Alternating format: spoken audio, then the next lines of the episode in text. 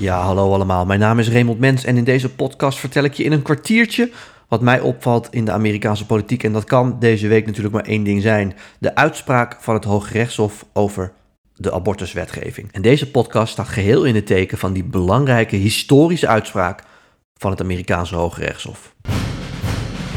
Ja, een extra podcast dus. En laten we dus ook maar meteen naar jullie vragen gaan, want die gaan uitsluitend over die historische uitspraak. Een uitspraak natuurlijk waarvan we wisten dat die zou komen, want eerder lekte er al een kladversie uit. Ik heb eerder al behandeld waarom dat uh, mogelijk gelekt is. Er kunnen conservatieve en ook wel progressieve krachten achter zitten. Maar goed, de uitspraak is er nu. En uh, veelgestelde vraag is: betekent dit nu ook dat er andere uh, verworvenheden, zoals het homohuwelijk bijvoorbeeld, worden teruggedraaid door het Hoge Rechtshof? Hè? Want het Hoge Rechtshof heeft ook een aantal jaar geleden pas gezegd hè, dat homohuwelijk is een federaal recht. Nou, het antwoord is ja en nee. Ik denk zelf van niet en ik zal uitleggen waarom dat is. wat je eigenlijk ziet is dat de abortuswetgeving in de Verenigde Staten daar is dus in de jaren zeventig van gezegd, en dat is die uitspraak Roe v. Wade, dat er een landelijk recht voor um, abortus moet zijn. Uh, en dat vervolgens staten zelf kunnen bepalen hoe ze dat precies toepassen. Maar er moet in ieder geval landelijk uh, in iedere staat toegang tot abortus zijn. Dat met die uitspraak men gehoopt heeft om die abortusdiscussie voor eens en altijd sluiten door er een soort van compromis van te maken. Van nou, de staten bepalen zelf wat ze uh, wel of niet kunnen doen, uh, wat ze wel of niet aanbieden, maar er is een soort basisrecht en dat basisrecht is een recht op abortus en ze moeten in ieder geval zorgen dat er in hun staat toegang tot abortus is. Um, dat was dus een soort compromis en in de hoop dan ook om die discussie te sluiten, maar dat is eigenlijk nooit gebeurd. Uh, abortus blijft altijd een heikelpunt in de Amerikaanse politiek. Ik ben zelf ook iemand die dan al een jaar of twintig uh, al die presidentsdebatten bijvoorbeeld kijkt. En, kijkt. En heb ik het niet zozeer over de debatten tussen uh, de democratische presidentskandidaat en de republikeinse presidentskandidaat. Maar ik kijk ook heel veel van die debatten van voorverkiezingen.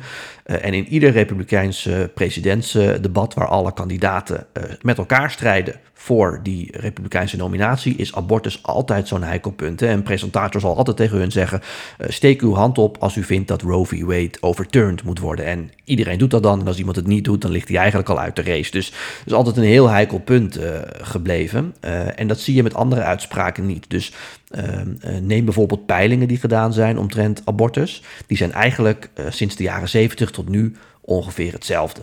Uh, ongeveer, uh, nou ja, wat is het? Uh, 20, 25 procent van de Amerikanen die wil dat abortus eigenlijk in alle omstandigheden legaal is.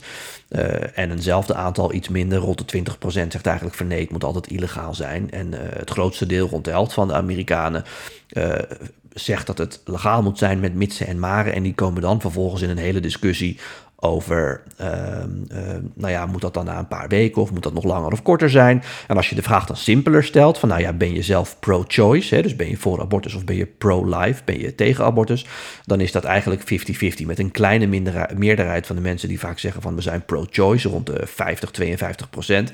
En dan rond de 48 procent zegt dat ze pro-life zijn, maar dat wisselt ook nog wel eens. En dat is eigenlijk al zo sinds uh, de jaren 70, dat is niet heel veel veranderd. Nou, als je bijvoorbeeld naar een andere uitspraak van het Hoge Rechts uh, kijkt, hè, uh, waarin ze uh, in 2011 hebben gezegd.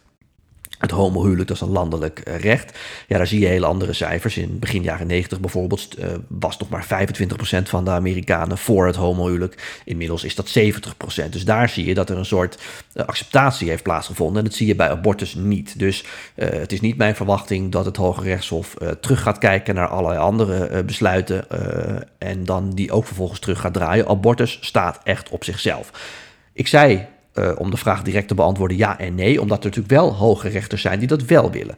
Uh, er is één hoge rechter, hè, dus als zo'n uitspraak in het Hoge Rechtshof gedaan is, uh, dan zie je dus ook de stemming. in dit geval zes mensen hebben gezegd, zes rechters hebben gezegd, we moeten abortus, dat, dat recht, dat, dat is niet constitutioneel, dat moeten we afschaffen. De staten moeten er zelf over gaan. En drie hebben gezegd, nee, Roe v. Wade moeten we in stand houden. Abortus is een federaal recht.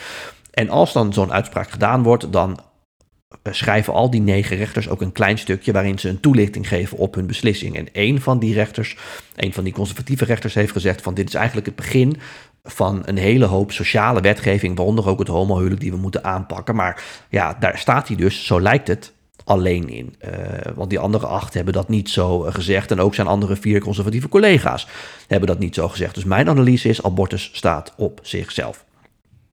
Dan zijn er ook veel vragen gesteld die erop neerkomen ehm, eh, waarom ze dan vinden dat abortus geen recht is. Nou, op internet, bijvoorbeeld de New York Times, maar ook op andere websites kun je de hele verklaring van het Hoge Rechtshof lezen. Maar eigenlijk zegt de Hoge Rechter die het stuk zelf geschreven heeft, rechter Alito is dat, die zegt eigenlijk ja, wij hebben gekeken naar hoe onze founding fathers, hè, die mannen als Thomas Jefferson, George Washington, hoe die ooit onze grondwet hebben opgeschreven. En daarin staat niet dat abortus een recht is. En als we dan door de regels heen lezen, kunnen we er ook niet uit opmaken dat ze dat toch wel ergens zo hadden bedoeld. Ehm, eh, als ze nu in 2022 hadden geleefd en alle eh, medische mogelijkheden gehad die we nu hebben. Dus wij kunnen eigenlijk niet op basis van de Constitutie, zoals die oorspronkelijk geschreven is, opmaken dat dit een recht is. En dus kunnen wij dat ook niet zeggen. En dus is die uitspraak vanuit de jaren 70 ook fout. En moet dit eigenlijk weer terug naar waar het hoort namelijk de Staten. En hij noemt daar ook bij dat eigenlijk sinds die uitspraak uh, in de jaren 70 van Roe v. Wade, waarin dus dat landelijke recht tot abortus werd vastgelegd, hij noemt daar ook bij dat er sindsdien dus niet, wat ik net heb uitgelegd, een soort verzoening om dit thema heeft plaatsgevonden. Het blijft altijd een ontzettend verdeeld thema. En dus zegt hij, is het juist dat het Hoge Rechtshof hier naar toe gaat, hè, teruggaat, uh, opnieuw dat weegt.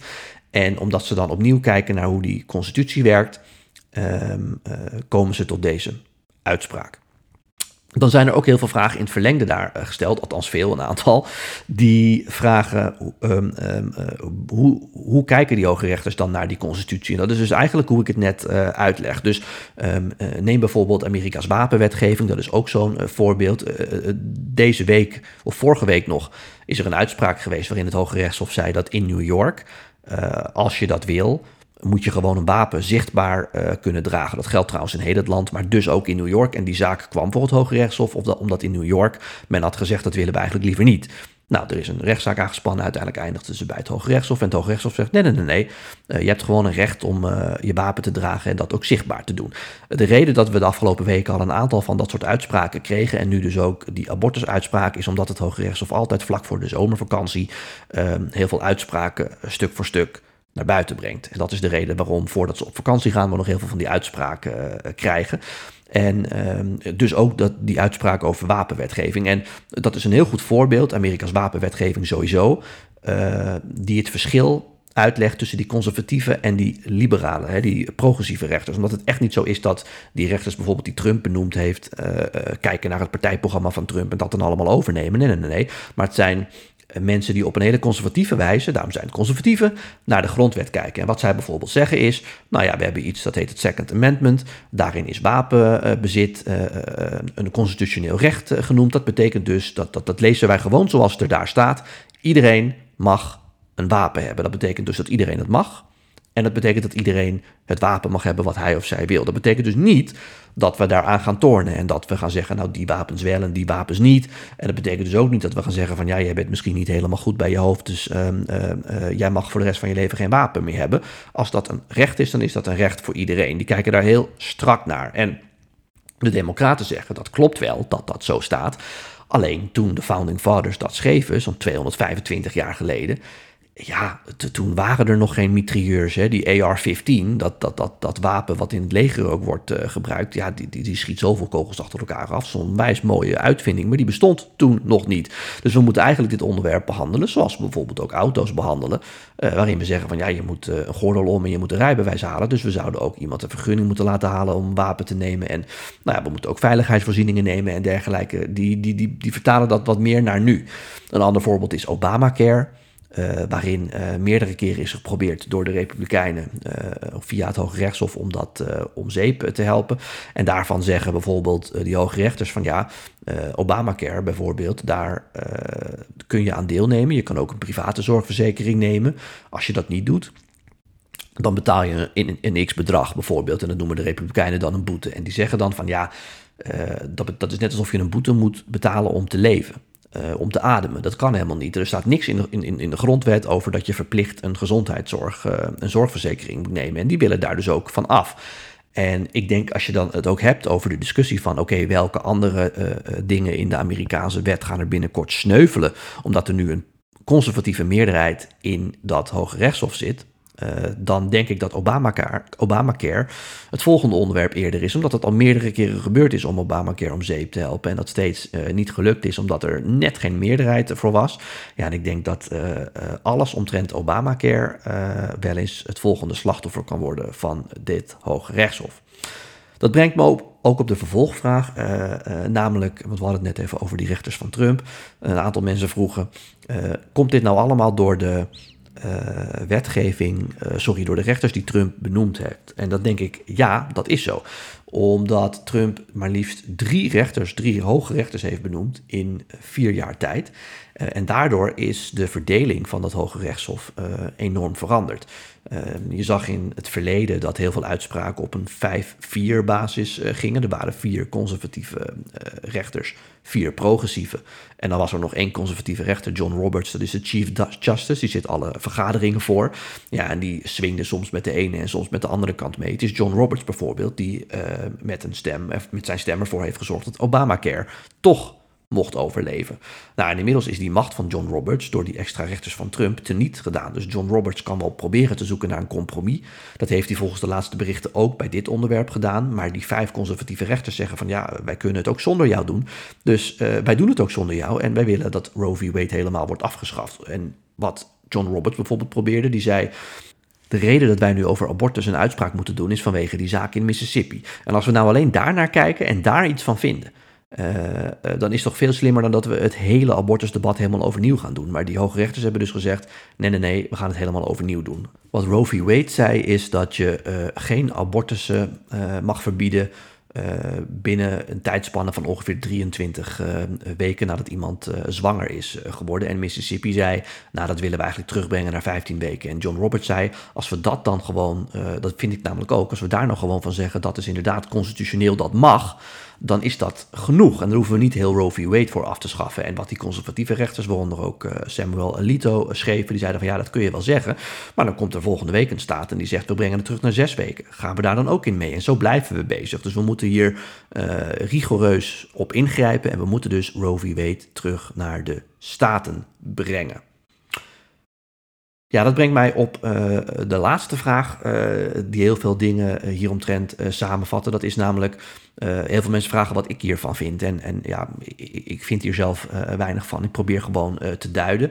Wat ik wel vind, is dat dit niet heel gek is wat er hier gebeurt. Wij kunnen daar vanuit Europa best wat van vinden. Maar je moet je wel voorstellen, Amerika blijft een federatie van staten. En het idee is ook, zoals ze dat daar altijd noemen, dat staten de experimenten van de democratie zijn. Hè. Daar wordt geëxperimenteerd in wat wel en wat niet werkt. En staten kunnen leren van elkaar, staten kunnen concurreren met elkaar, noem het allemaal maar op. Uh, en het is eigenlijk heel normaal dat zo'n onderwerp als abortus, waar dus nooit echt een hele grote consensus over is ontstaan, dat die teruggaat naar de staten. Uh, uh, de democraten overigens zeggen van, ja, dat kun je wel zeggen.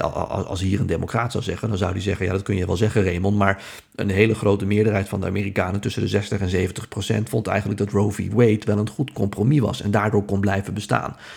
Dat is ook zo. Maar in heel veel van die conservatieve staten uh, blijft abortus toch een heet hangijzer. Uh, en willen eigenlijk vrijwel alle uh, republikeinse politici daar dat het echt verboden wordt. En, en, en wat dat betreft past het veel meer bij de Verenigde Staten om een onderwerp als dit gewoon per staat te regelen. Ik denk zelf dus niet dat het homohuwelijk wordt afgeschaft, maar ook daarvan zou je kunnen zeggen van ja, Mississippi wordt nooit eenzelfde staat als dat Californië dat is. Dat gaat gewoon niet gebeuren. Dat zijn verschillende culturen. En misschien moet dat ook maar apart geregeld worden. Ik zeg niet dat ik daarvoor zou zijn, maar het zou in het Amerikaanse systeem passen als ze daar wel voor zouden kiezen. Dus wat dat betreft moeten we er niet gek van opkijken dat dit Hoge Rechtshof uh, uh, ja, meerdere uh, wijzigingen wat dat betreft gaat eh, invoeren. Ik denk dus niet dat het homohuwelijk daaronder valt, maar ook daarvoor zou kunnen gelden, ja, misschien moet je dat inderdaad gewoon per staat eh, regelen. Dat zou in ieder geval wel in de Amerikaanse traditie passen. Tegelijkertijd kent de Amerikaanse traditie ook een federale beweging naar steeds meer vrijheden voor mensen natuurlijk. Hè. Dus dat zou daar natuurlijk weer tegen in gaan. Maar goed, de Amerikanen zijn gewoon op heel veel punten nu verdeeld, met name op heel veel sociale onderwerpen. Dus verwacht dat dergelijke uitspraken en dus ook verschillen tussen staten enorm gaan toenemen de komende tijd. En dat betekent ook dat heel veel progressieve staten natuurlijk wetten aan kunnen nemen die weer veel progressiever zijn. Dat past toch, denk ik wel, in die Amerikaanse traditie. Goed, tot zover. Ik hoop dat ik jullie een beetje heb bijgepraat. Denk je nu, hé, hey, mijn vraag staat er niet tussen? Stuur hem gewoon op via Instagram, Twitter, LinkedIn. En dan beantwoord ik hem gewoon in de volgende podcast. Tot zover. Tot dan.